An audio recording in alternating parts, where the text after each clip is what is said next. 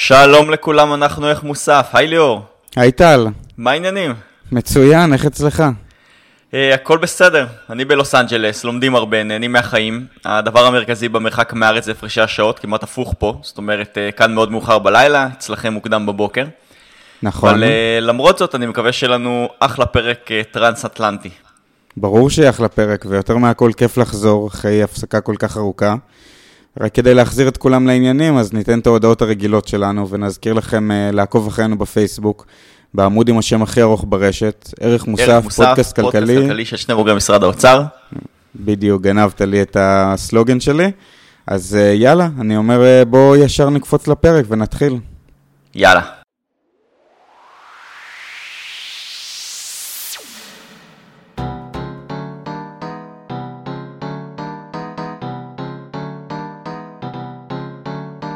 שלום וברוכים הבאים לערך מוסף, פודקאסט כלכלי של שני בוגרי משרד האוצר, ליאור תבורי וטל וולפסון.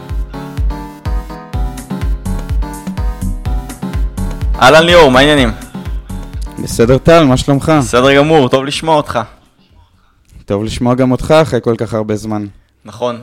אה, יש איתנו היום אה, אורח מיוחד, דוקטור קוסטנטין קוסנקו מבנק ישראל. מה נשמע, קוסטה? אהלן טל, הכל בסדר. אה, היום אנחנו, ליאור, על מה נדבר? היום אנחנו נדבר על ריכוזיות כלל משקית. נכון, שזה מה שכולנו שמענו עליו בשנים האחרונות כוועדת הריכוזיות, זה היה בעצם אחד הנושאים הכי גדולים שהיו פה. ובמדיניות הכלכלית בישראל, והאמת שליאור ואני רשמנו את הנושא הזה ממש כבר מהימים הראשונים של הפודקאסט, ואנחנו ממש שמחים שיש לנו את ההזדמנות גם להקדיש את הפרק הזה לנושא הזה, וגם לארח את קוסטה, שבעצם אתה היית אחת מהיוזמים ואבני היסוד של כל המהלך הזה. אז תודה רבה, תודה על המחמאות. אני, אני רואה שלקח לכם זמן להגיע, כי אנחנו בפרק מספר 39, אבל אני מאוד שמח להיות כאן, ומאוד שמח גם לדבר על הנושא. אז, אז ת... אני מציע פשוט שנגלוש ישירות לשם, לא? זהו, אז בוא תכף אנחנו נרצה, לפני שנצלול לנושא עצמו, כן. אנחנו נרצה גם uh, קצת לשמוע על הרקע שלך, ואיך הגעת לנושא הזה, ולשמוע קצת גם על בנק ישראל ו- ומה שאתה עושה שם. אבל קודם כל הייתי אולי רוצה להתחיל בשלוש נקודות, למה בעצם אנחנו חושבים שהפרק הזה והנושא הזה חשוב ומעניין. ליאור, מה אתה אומר? אוקיי. Okay. אני חושב שהנקודה הראשונה זה שזה נושא מאוד uh, אקטואלי, כלומר, אנחנו כל הזמן שומעים על ריכוזיות.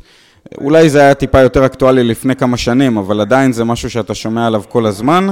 Uh, מי שכמובן מוביל את הקו הזה מבחינה עיתונאית זה הדה-מרקר. אבל אנחנו שומעים על זה הרבה מהרבה אה, בכירים במשק ומהרבה אנשים אה, במגזר הציבורי. וגם מהרבה מדינות, הרבה מדינות מתמודדות עם ריכוזיות משקית.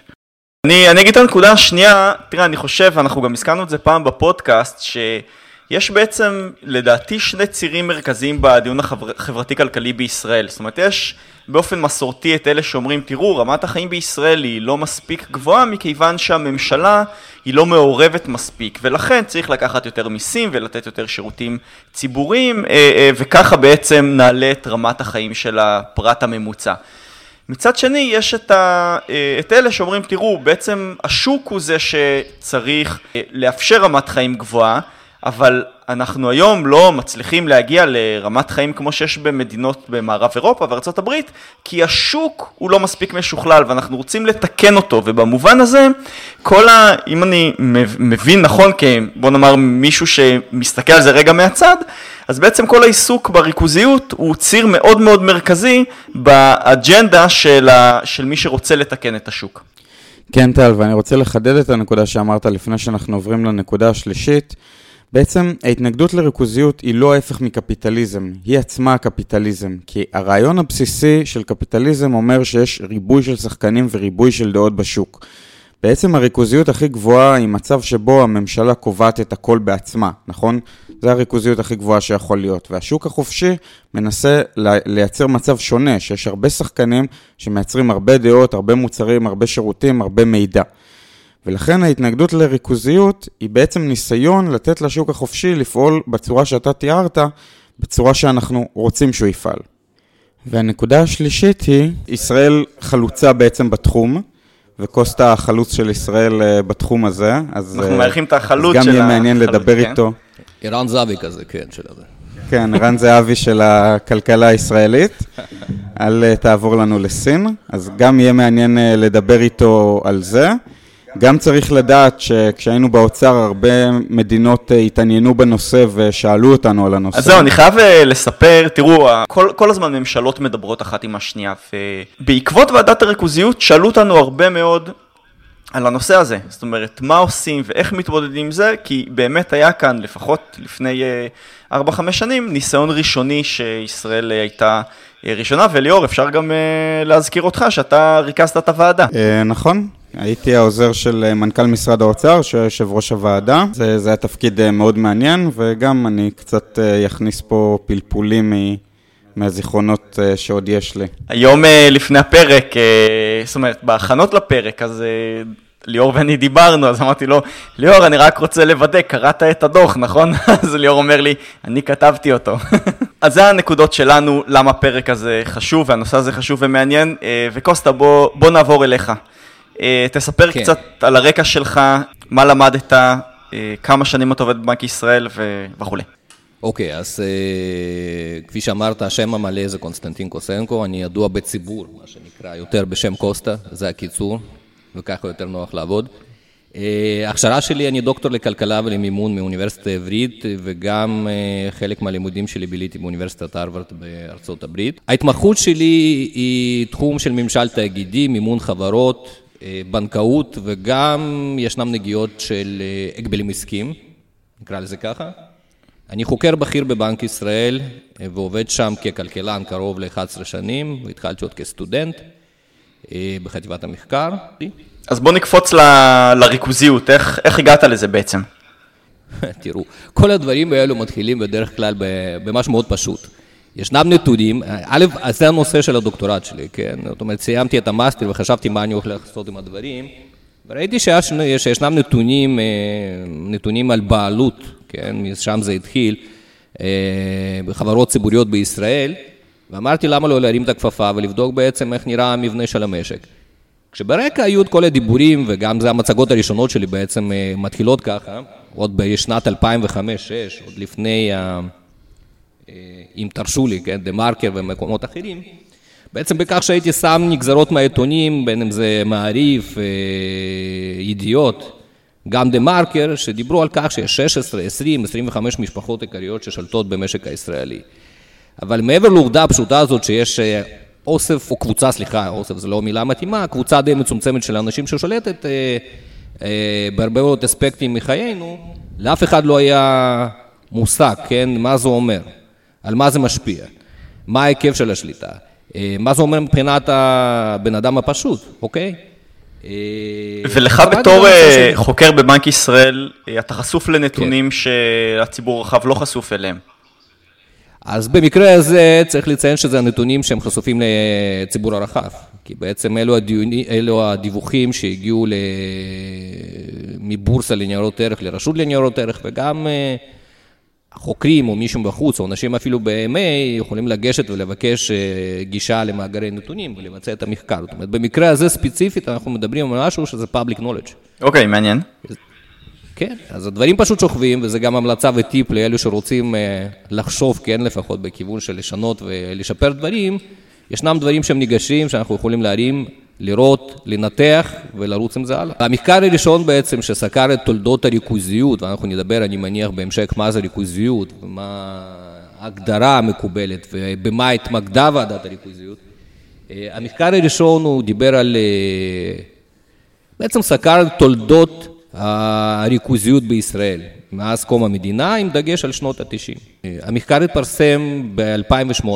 בד- בדוח בנק ישראל. לא, אז זהו, אז מחקר לא התפרסם בדוח בנק ישראל, המחקר התפרסם אה, עוד לפני זה, זה היה בעצם הפרק הראשון של הדוקטורט, לפני שנסעתי ל- להרווארד.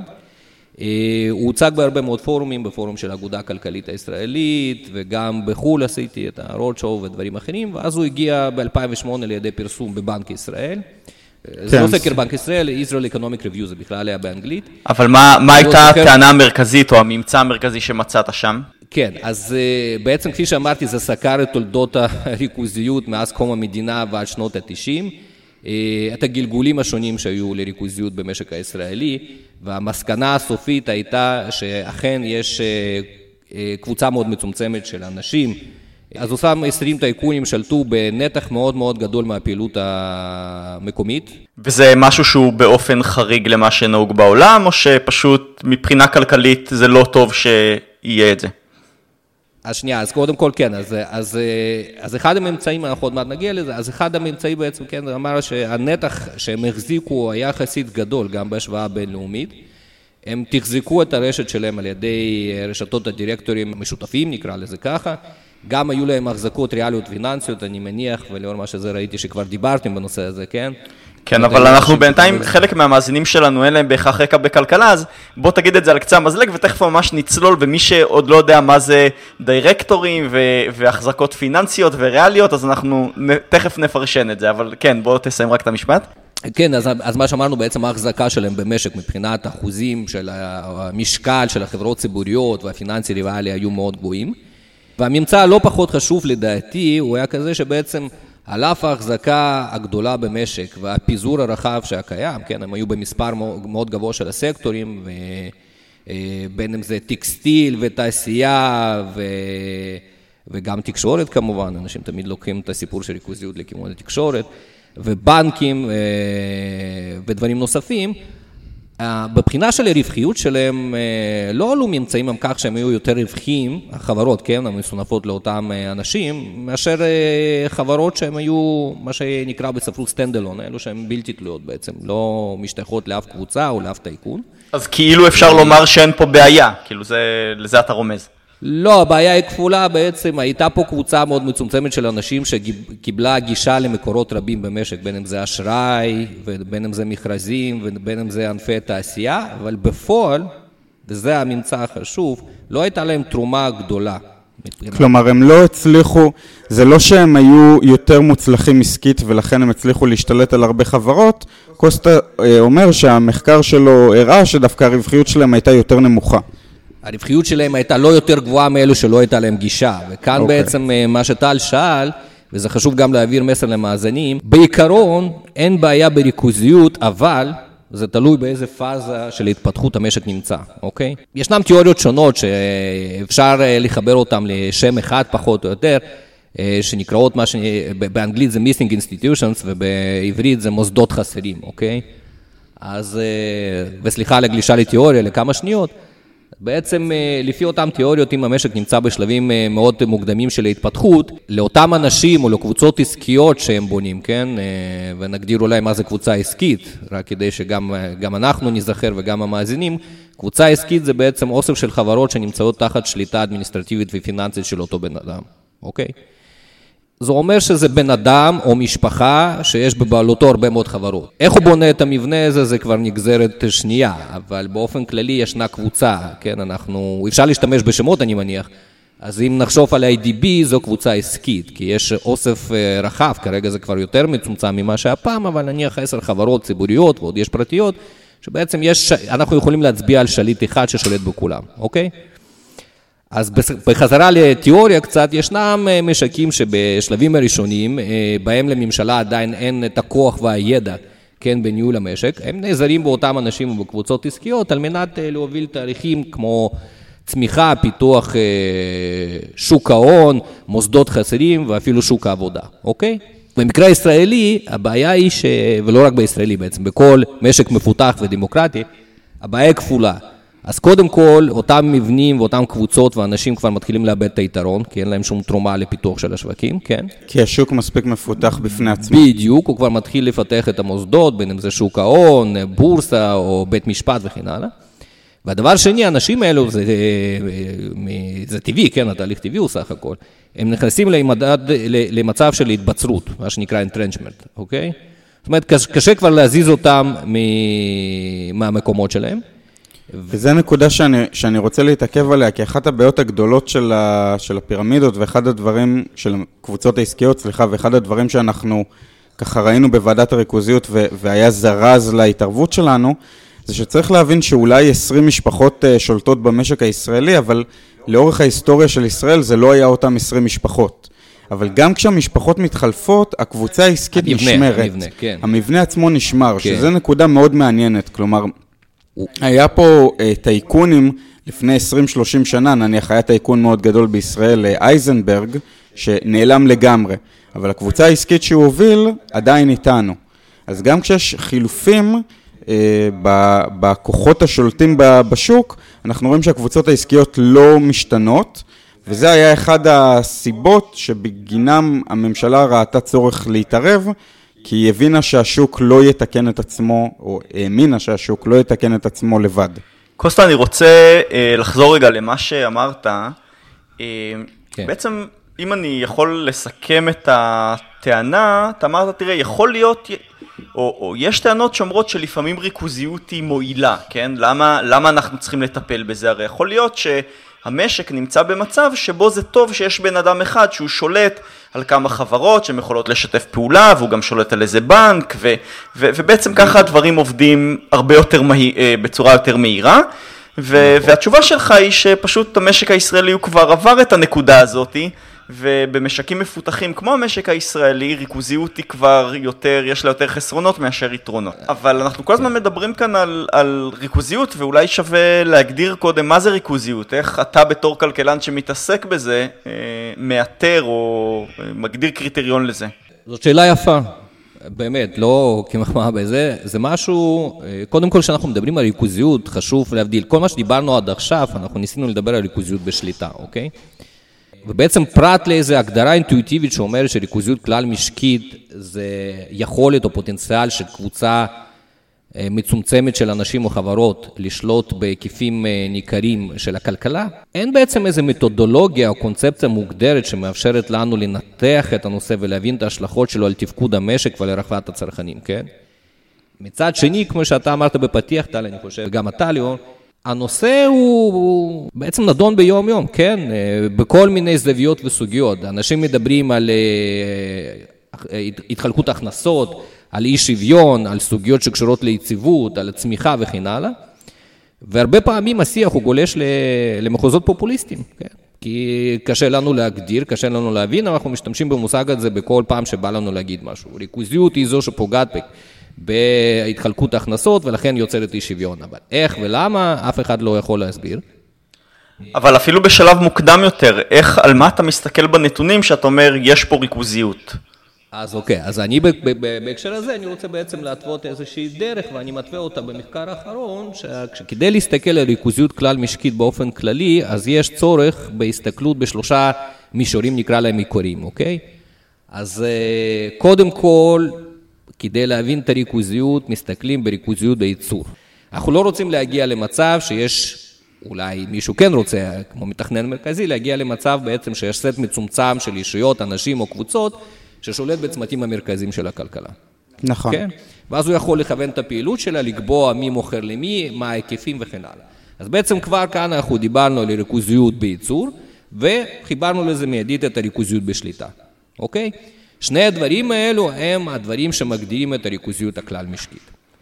חשוב להבדיל את הריכוזיות כלל משקית מהריכוזיות הכללית, מה שאנחנו יודעים הענפית, כן? Mm-hmm. כשמדברים על ריכוזיות כלל משקית, וזה לשאלתך טל, אנחנו שואלים בעצם מה המשקל, וזה הנתונים, כן?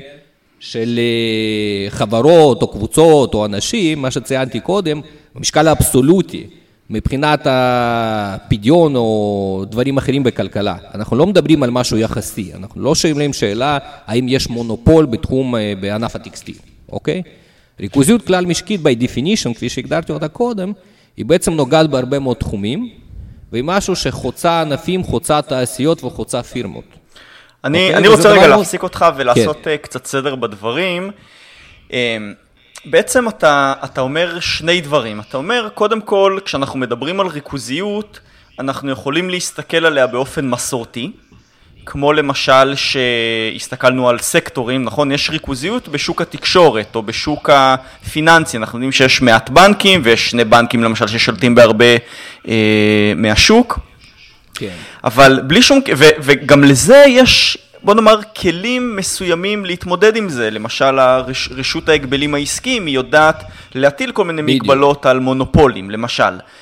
בדיוק. אבל מצד שני, יכול להיות שיש איזה גורם, בן אדם פרטי, חברה, משפחה, וואטאבר, שיש להם 20 חברות, שכל אחת מהן בפני עצמה היא לא דומיננטית מונופול. מאוד בסקטור שלה, ולכן הכללים של רשות ההגבלים העסקיים והגדרה של מונופול ודברים כאלה לאו דווקא חלים עליה, אבל מבחינה משקית היא מאוד מאוד חזקה, ולכן ההסתכלות בעצם שאנחנו מביאים על השולחן זה שיש כאן ריכוזיות.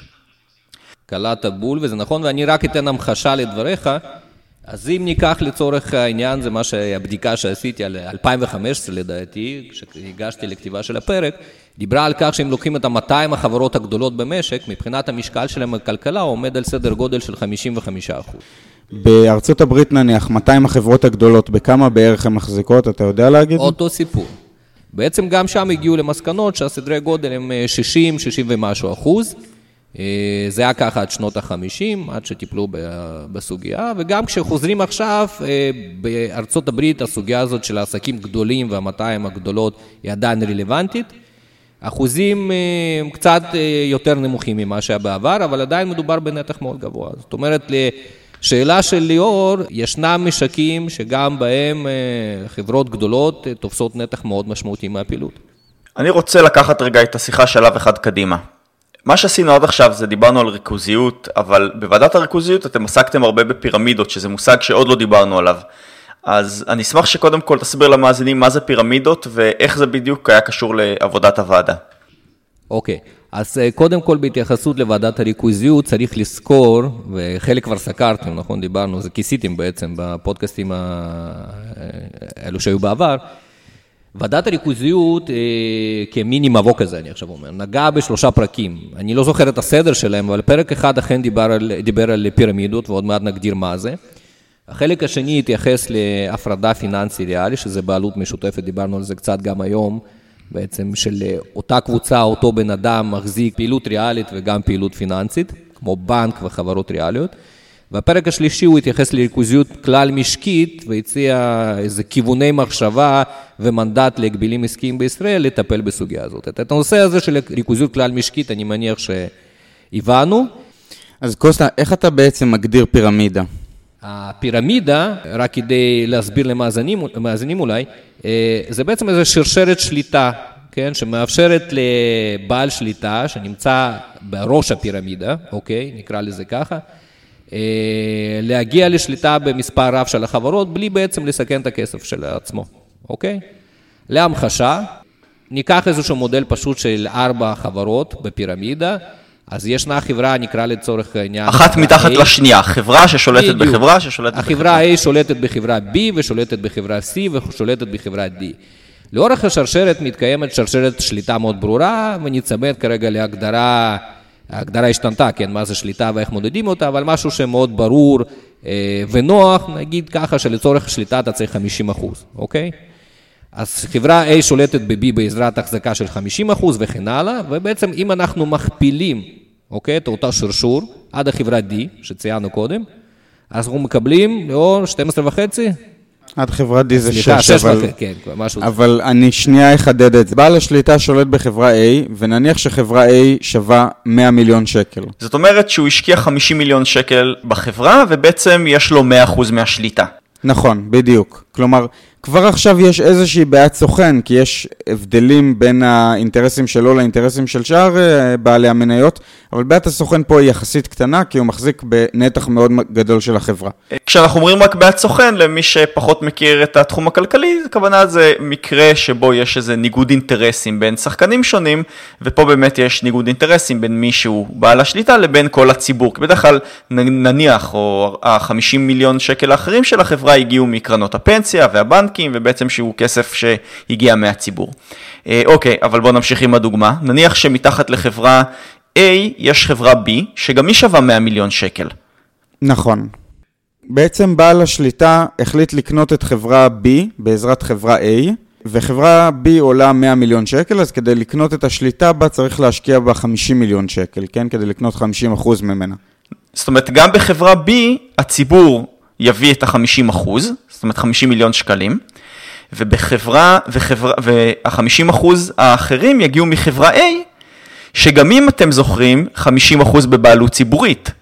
זאת אומרת שכדי שבעל השליטה של חברה A ירצה לקנות 50% מחברה, אה, ירצה לקנות את חברה B, הוא צריך להשקיע רק 50% מה-50%. זאת אומרת, הוא כבר עכשיו משקיע רק 25 מיליון שקלים, והוא מקבל שליטה בחברה ששווה 100 מיליון שקלים. בדיוק, ואפשר להמשיך את התרגיל הזה ולהבין שבחברה השלישית, ברמה השלישית של הפירמידה, הוא כבר צריך להשקיע 12.5 מיליון שקלים, ברמה הרביעית הוא משקיע רק 6 אה, מיליון שקלים. ושולט בחברה ששווה 100 מיליון שקלים. בדיוק.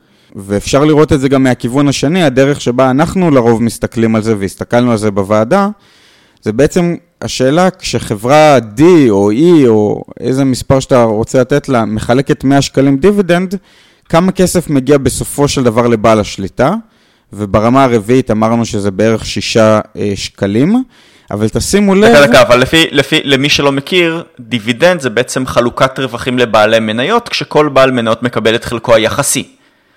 בדיוק, אבל תשימו לב שבעל השליטה בחברה D הוא בעצם זכאי רק ל-6% מתשלומי הדיבידנד, כלומר, בעצם רק 6% מהחברה שייכים לו, אבל הוא שולט בה בצורה מוחלטת. בעצם השימוש בפירמידה מאפשר לאנשים, בעזרת כסף של אחרים, להרחיב את האימפריות שלהם, אוקיי? ואני זוכר אה, שכתבתם על זה בבנק ישראל, שהפירמידות בישראל לפעמים הגיעו לשבע שכבות. זאת אומרת שיש בן אדם שמשקיע, כמה זה שבע שכבות? זה כבר אפילו אחוז אולי, או, או משהו כזה. הוא, חברה למשל שווה 100 מיליון שקלים, הוא משקיע מיליון שקלים והוא שולט כבר על הפעילות שגדולה עשרות מונים. אה, כן, נכון, לדעתי גם דובר שזה לא סוד, בזמנו דיברנו על IDB כאחד הפירמידות הארוכות והעמוקות אולי במשק הישראלי, רק כדי לתת סדרי גודל, כן? בזמנו, ודרך אגב, גם, אה, זו נקודה שאנחנו לא דיברנו עליה, אנחנו מדברים על חברות ציבוריות, כן? כשאנחנו מדברים על פירמידות, ובאופן כללי גם הקבוצה העסקית היא מוגדרת על סט של חברות ציבוריות. אם יש חברות פרטיות ויש הרשורים, זה כבר משהו שנוגע למיסים ולרשויות אחרים. אנחנו מדברים על חברות ציבוריות, אנחנו באמת מדברים על כסף של אחרים. כלומר, חברות שנסחרות בבורסה. בדיוק, אנחנו מדברים על כך שאני ואתה וטל משקיעים את הכסף שלנו, יש מישהו שהוא מגיע לשליטה, הוא שולט בחברה שלנו, ואז הוא מחליט מה לעשות איתה, הוא משתמש בחלק מהמקורות או המשאבים של הפירמה כדי להמשיך אה, ולשרשר את השליטה שלו ולקנות חברות חדשות וכן הלאה. הנקודה החשובה הנוספת היא בעצם שהמשקיעים, ואני ואתה ואתה, לא יושבים בכל החברות לאורך השרשרת, נכון? זאת אומרת, אנשים שונים. יש בן אדם אחד ששולט במספר רב של החברות, ויש אה, משקיעים שונים בכל אחד מהם, ולכל אחד יש אינטרסים שונים. אה, הם או אנחנו חושבים שמה שחשוב לנו זה למקסם את התועלת האישית ולקבל דיבידנדים או רווחים מהפירמה, ובעל השליטה יש לו פונקציה תועלת משלו, וזה אחד הבעיות, מה שרציתי לדבר על זה, ורק נזכיר, זה מה שנקרא בעיית הסוכן, כן? עכשיו, בחזרה ל-IDB, IDB בזמנו כללה 26, אם אני טועה, ב-C, חברות ציבוריות וקרוב ל-120 חברות פרטיות, אוקיי? אז כל אותן 26 חברות ציבוריות בעצם נכנסו לפירמידה של 7 או 8 שכבות. אוקיי, אז הבנו שעם מעט הון אתה שולט בהרבה חברות. תפרטו לי מה בעייתי בזה. תראה, אני אתן לך כמה דוגמאות. אה, הדבר הראשון שמדברים עליו הרבה זה, זה tunneling. מנהור. שזה בעצם בעברית מנהור, כן, מהמילה מנהרה. אה, יש לבעל השליטה אינטרס בעצם להעלות את הכסף מתחתית הפירמידה לראש הפירמידה, מבלי להעביר אותו כדיבידנדים, כי כמו שאמרנו, הזכויות שלו בדיבידנד הן יחסית נמוכות. תן דוגמה איך באמת עושים את זה, כן. מה שהוא עושה, למשל, אחת הדרכים לעשות את הדבר הזה, זה לשלם דמי ניהול. כן, החברה בתחתית הפירמידה משלמת לחברה בראש הפירמידה דמי ניהול על הניהול של אה, בעל השליטה. ובצורה הזאת היא מעבירה לצורך העניין, אה, אם היא מעבירה 100 שקל מתחתית הפירמידה, שלבעל השליטה יש שם רק 6% בהון, לראש הפירמידה שלבעל השליטה יש 50% בהון, אז הוא בעצם הרוויח 44 שקלים מהעסקה הזאת. כי כאילו תנסו לחשוב על, הפירמיד, על החברה שנמצאת בתחתית הפירמידה, אז הבעל שליטה שילם לעצמו 6 שקלים והציבור שילם 96 שקלים, ובסוף בחברה ברמה אחת מעל זה מתחלק הרבה יותר לטובת בעל השליטה. בדיוק. אז זה איזושהי שיטה אחת אה, להעביר רווחים שלא על ידי דיבידנד ובעצם לחלוב את החברות בתחתית הפירמידה. יש עוד דרכים כמו העסקת מקורבים, ראינו גם את זה לא מעט במשק. שנותנים שכר מאוד גבוה למקורבים בחברות בתחתית הפירמידה.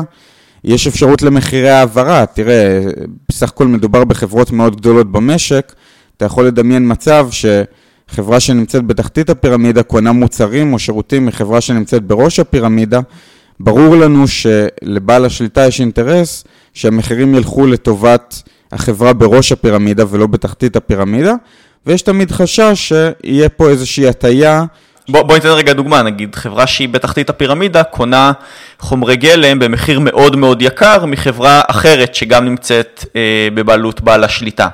אז בעצם נכון. החברה הזאת קונה במחירים מאוד יקרים, אבל אם אמרנו אם בעל השליטה הוא, הוא מחזיק רק 6% מהחברה אז הוא משלם 6% מהמחירים היקרים יותר והציבור נושא בשאר העלות. בדיוק. ובחברה למעלה, נניח הוא מקבל 50% מהרווחים העודפים, אה, אחרי שהוא שילם בחברה למטה רק 6% מהמחירים העודפים. כלומר, שוב פעם, הוא מרוויח בגדול 44%.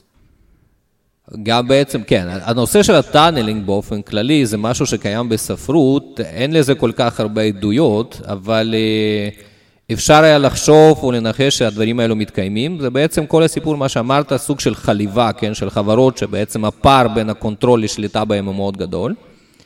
אה, אלו שבתחתית הפירמידה, כן? מצד שני, הם יכולים לספק את המשאבים והמקורות הנדרשים לשאר החברות בקבוצה פירמידלית, כן? וגם לבעל השליטה. כך שבעצם אנחנו דיברנו על זה, המבנה של הפירמידה והפער הזה שבעל השליטה יוצר בין השליטה לבין ההחזקה שלו בפועל, הוא מחדד אה, ומדגיש את בעיית הסוכן הקיימת, כן? הסוכן לצורך העניין הוא בעל השליטה. שממקסם את התועלת שלו. התועלת שלו היא לא בהכרח התועלת שלי, שלך ושל ליאור. של okay? אוקיי? הציבור שהכסף שלו של מושקע הציבור הרחב, אה, בחברות בדיוק. האלה.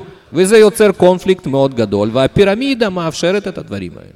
אוקיי, אז אני ארצה שתכף נדבר על הוועדה, אבל בוא נעשה סיכום ביניים קצר. קודם כל, אה, הבנו שבמחקר שלך מ-2006, אנחנו גילינו שיש בישראל ריכוזיות, יש קבוצות עסקיות חזקות שכנראה הם לא נוצרו בגלל ביצועים כלכליים מרשימים, אלא מתוך ניצול כוח אה, לרעה. אה, ודבר שני, ראינו שהפירמידה היא במידה רבה אמצעי שאפשר את הריכוזיות. ואני רוצה שנקפוץ רגע למאני טיים, להקמה של הוועדה, ששניכם הייתם חברים בה, ובואו נדבר עליה. ליאור, מי עמד בראשה? טוב, אז uh, ב- עם הקמת הוועדה היה לה שני ראשים, זה היה מנכ"ל משרד ראש הממשלה ומנכ"ל משרד האוצר, uh, אבל אחרי ההתפטרות uh, של מנכ"ל משרד ראש הממשלה, אז בעצם uh, חיים שני, מנכ"ל האוצר, היה uh, יושב ראש הוועדה, ואני הייתי uh, העוזר שלו שטיפל בנושא הזה, ובשמו ריכזתי את הוועדה. Uh, מי עוד חברים שהיו בוועדה? אז תראה, כל הגורמים הכי חשובים בפקידות הממשלתית הכלכלית היו uh, בוועדה, אנחנו ככה ניתן רק על קצה המזלג, אז היה, כמו שאמרתי, מנכ"ל האוצר, מנכ"ל משרד ראש הממשלה, המשנה לנגיד בנק ישראל, המפקח על הבנקים, ראש המועצה הלאומית לכלכלה, יושב ראש רשות לניירות ערך, הממונה על שוק ההון, ועוד כמה ש... זה מראה, זה ממש אינדיקציה שמראה לנו כמה ברצינות כל הממשלה, כל הפקידות לקחה אה, את הנושא הזה. אה, כי אתם יודעים, יש לא מעט ועדות ממשלתיות, אבל ברגע שראשים של כל כך הרבה גופים חברים שם, זה מעיד על הרצינות. כמה זמן הוועדה פעלה? נכון, אני רק רוצה להגיד לך משהו אחד לגבי זה. ת, תנסה לדמיין את הסיטואציה, תנסו לדמיין את הסיטואציה שיושבים כל האנשים המאוד מאוד רציניים האלה מסביב לשולחן, לא עוזרים שלהם, כמו שהרבה פעמים uh, קורה, אלא האנשים עצמם, ואני, ילד בן 26, יושבים סביב השולחן, מדברים על ריכוזיות. אתה יכול לדמיין כמה זה היה uh, מעניין ומלחיץ uh, מצידי. דיברת שם? כן, הרשיתי לעצמי לדבר, הרבה פעמים אמרתי שטויות, אבל לפעמים אמרתי כמה דברים אה, חשובים, ואני יכול להגיד שהיה לי איזשהו חלק אה, קטן בגיבוש המלצות הוועדה. טוב, אני בטוח, כל הכבוד. אה, אז קוסטה, אני רוצה רגע שנעבור אליך. תספר לנו קצת יותר על העבודה בוועדה, גם על האווירה, ועדה, כמו שליאור אמר, שחברים בה כל כך הרבה גורמים ושיש בה כל כך הרבה אינטרסים. איך, איך זה היה? בהתחלה גם, אתה יודע, היו כל מיני תככים ואי הבנות ומשיכות לכיוון זו או אחר, וגם אם כולם אולי הסכימו שיש איזושהי בעיה והבעיה קיימת, אבל איך מסתכלים עליה, איך כל אחד גם צריך להתאים את ההמלצות והדרישות והכיוון של התפתחות של הוועדה לצרכים שלו, כי אנחנו מדברים פה על הרבה מאוד גופים שהתחברו ביחד. אבל בסופו של דבר למדנו אחד מהשני, וזה היה באמת מעניין לראות. זאת אומרת, אני ישבתי שם מההתחלה ועד הסוף, וגם ליאור, וכפי שהוא אמר, איך שנכנסנו ועם מה שיצאנו זה 180, אבל בדרך כל השיתוף פעולה, אתה יודע, בסוף הוא הניב פירות. בשלוש נקודות קצרות, מה ההמלצות של הוועדה? תראה, ב...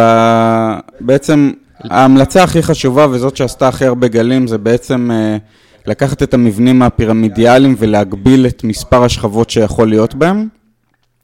אה, הייתה גם, צריך להגיד, היה גם איזשהו פער בין מה שהוועדה המליצה ובין מה שבסוף חוקק בכנסת. כמובן, הכנסת אמרה את דברה ולמעשה החמירה את אה, המלצות הוועדה יותר, אבל בשורה התחתונה, היום כשאנחנו מדברים על פירמידות, פירמידות יכולות להיות רק עם שתי שכבות. יש בעצם איסור על יצירת אה, שכבה שלישית בפירמידה. זה, אם מסכמים את כל פרק הפירמידות, בוא נגיד זאת הייתה ההמלצה, כן? כמובן שהיו הרבה מאוד כלים נלווים, אבל לא ניכנס לזה, כי זה לא כל כך uh, מעניין. ההמלצה השנייה הגדולה... רק שאולי ליאור תרשה לזה, רק שנחדד את זה גם כן. כן, בהסתכלות בעצם נתנו זמן לפירמידות להתפרק, מה שנקרא, וכבר עכשיו אפשר לראות שפחות או יותר כולם, פרט לסוגיה שאתם שומעים על IDB, הגיעו למספר uh, שכבות מאוד מצומצם, כן? אז בהקשר הזה אפשר להגיד שה... החקיקה הצליחה. הצליחה, נכון לרגע זה, כן. כן, וההמלצה השנייה הגדולה הייתה בעצם להפריד בין בעלות על אה, נכסים פיננסיים משמעותיים ונכסים ריאליים משמעותיים. רק ניתן דוגמה, אם דיברנו כבר על IDB, אז IDB החזיקה בכמה נכסים ריאליים מאוד משמעותיים, כמו סלקום ושופרסל, ומצד שני היא החזיקה, ובעצם עדיין מחזיקה בכלל ביטוח, אה, שהיא חברה פיננסית מאוד משמעותית במשק, ובעצם אמרנו, אה, הוועדה אמרה שצריך להפריד את הבעלות על הדברים האלה, לא יכול להיות שמישהו שהוא אה, לווה מאוד גדול, יהיה גם מלווה מאוד מאוד גדול, וישלוט על המקורות, שאנחנו אה, יודעים שזה יוצר הרבה מאוד בעיות. אחת הבעיות נניח ששמענו, זה שאם אתה מתחרה בשופרסל, אתה לא תלך לכלל ביטוח ותבקש הלוואה, כי אתה מפחד לחשוף בפניה את הנתונים העסקיים שלך, שזה לא יגיע בסוף לשופרסל. אז זה רק ככה על קצה המזלג, אחת מהבעיות שריכוזיות בעצם יוצרת במשק. אוקיי, אז את אומר, אה, המלצה אחת זה הגבלת שכבות של פירמידה, יותר אין כזה דבר שבע שכבות או דברים כאלה, אלא לא, לא, לא. אה, הגבלתם את זה. יש הפרדה של בעלות ריאלית ופיננסית, אתה רוצה להחזיק בנק או חברת ביטוח, אתה רוצה להחזיק איזה אה, חברת קמעונאות גדולה, זה בסדר, אבל לא את שניהם, נכון? כן. ואני זוכר שגם היה, הייתה התייחסות, קוסטה, למה שאתה בהתחלה התייחסת עליו, אה, של מניעת הריכוזיות הכלל משקית ולאו דווקא הסקטוריאלית. בדיוק. אז הפרק השלישי הוא בעצם אה, דיבר על כך שיש צורך בפיתוח של מתודולוגיה ובניתוח רחב של הסוגיה של הריכוזיות כלל משקית, וזה משהו שעדיין נמצא בטיפול, אני אמרתי שמבחינתי לפחות, אני תורם את חלקי השנה עם המחקר החדש בנושא. ישנם מגבילים עסקיים שעדיין ממשיכים לעבוד בכיוון, ופעם בשנתיים לדעתי מגדירים את הגופים ה... ריכוזים או מרכזים, אני זוכר את ה... כן, אני לא זוכר את המינוח בדיוק, את הסופי, אבל אלו שהגופים המשפיעים מבחינת המשק. כן, וההסתכלות שם, להבדיל משני הפרקים הראשונים, זאת אומרת, משהו שעדיין דורש מחקר, הבנה וניתוח, כדי להגיע בסוף עם ההמלצות אה, והמתודולוגיה יותר ברורים. סיפור קשה הדבר הזה. סיפור עדיין, ובזה באמת, אם להגיד, אנחנו המשק החלוצי, כן, בפרספקטיבה הבינלאומית שמנסה לטפל בסוגיה הזאת, כי זה סוגיה שלא במנדט הנטו נקי של הגבילים, זה משהו שחוצה ענפים, סקטורים, חברות ופירמות, וזה משהו שכן צריך לתת אה, דגש, כן, מבחינת הפיתוח של הכלים להתמודדות, אבל כרגע, לפחות בחלק הזה, אנחנו לא בסוף הדרך. אוקיי, ומלבד הנקודה הזאת, אה, ולפני שנסיים, תשכנע אותנו, תגיד לנו מה דעתך. עברו הרי כבר כמה שנים מאז שהחוק חוקק. אה, אמרת לנו שאתה רואה שיש פחות פירמידות. האם יש עוד כל מיני פרמטרים שאתה מסתכל עליהם ואתה אומר לעצמך, הוועדה אה, הצליחה או הצליחה פחות בנקודות מסוימות? איך אתה מסכם את הזמן שעבר מאז?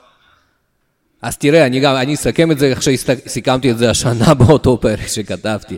אם מסתכלים על ריכוזיות כלל משקיעית, לפי הפרמטרים שאני ציינתי בהתחלה, בין אם זה פונקציית הייצור, שליטה וכן הלאה, אפשר להגיד שמאז החוק, חוק הריכוזיות, הריכוזיות הכלל משקית במשק, שוב, זה לדעתי, כן, הצטמצמה.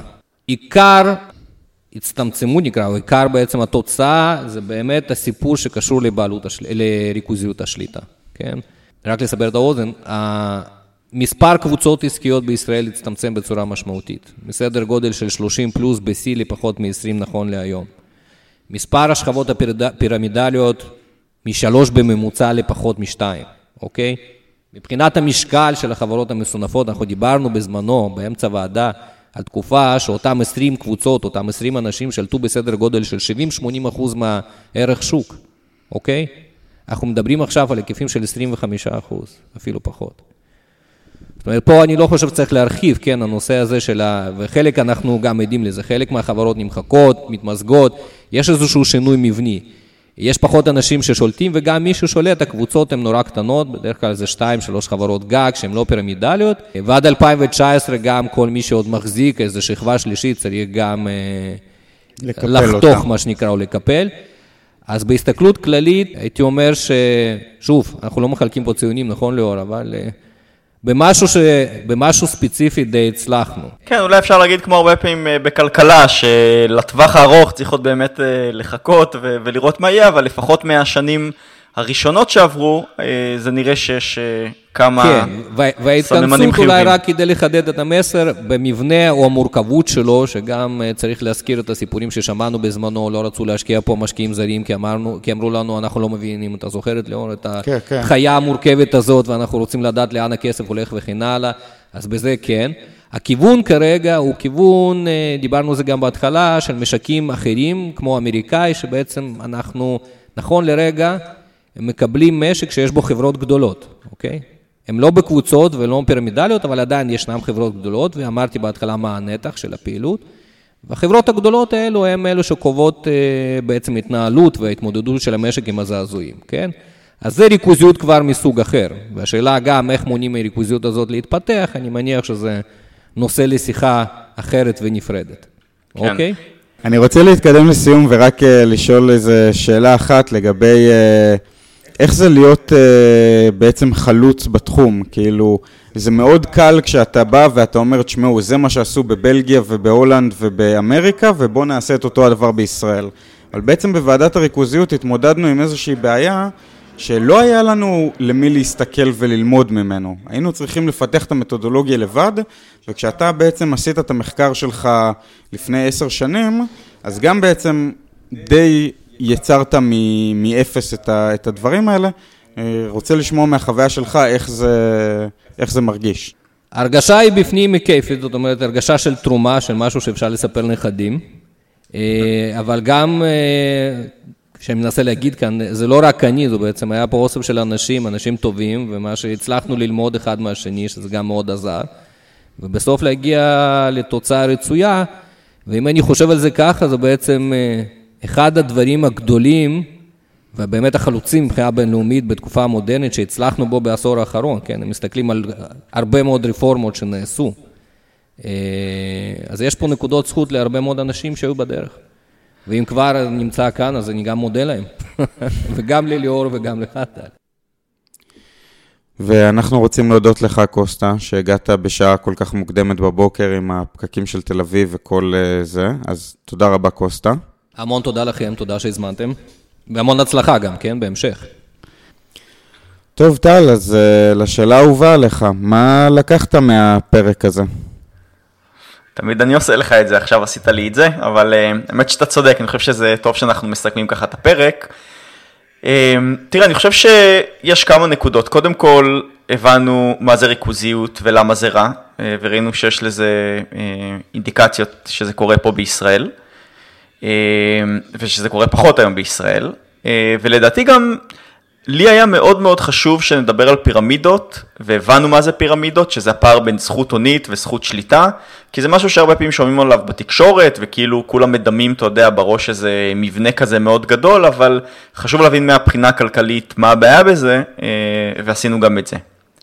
מה עוד? אוקיי, אני לקחתי, אני חושב שבעצם ראינו פה דוגמה לכך שכשהממשלה רוצה לעשות משהו היא מצליחה. אה, זה לא תמיד עובד, אבל לפעמים זה עובד, וכשזה עובד, ואני יכול להגיד שגם הייתי חלק מזה, אז זה מאוד מספק להיות חלק מהדבר הזה.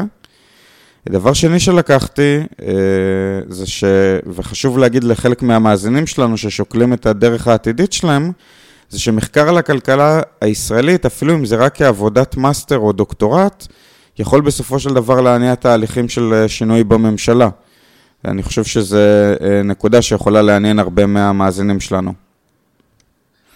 אה, נכון, זה עוד אחד באמת מיתרונות של להיות בישראל, שזה מקום קטן, ולפחות באופן יחסי אנחנו יכולים להשפיע פה על דברים שקורים, יותר מאשר למשל אם היינו באירופה או בארצות הברית. בסדר גמור, טוב, אז סיימנו את הפרק הטרנס-אטלנטי הראשון. כל הכבוד לנו. אני מקווה שנצליח להמשיך לעשות עוד פרקים כאלה. ועכשיו פה אצלי מאוחר בלילה, אתם רק מתחילים את היום, אז נראה לי שנסיים אה, באופטימיות הזאת. סבבה. טוב, אז אה, תודה רבה שהייתם איתנו. אני הייתי טל וולפסון. אני הייתי ליאור תבורי. אנחנו ערך מוסף, להתראות. להתראות.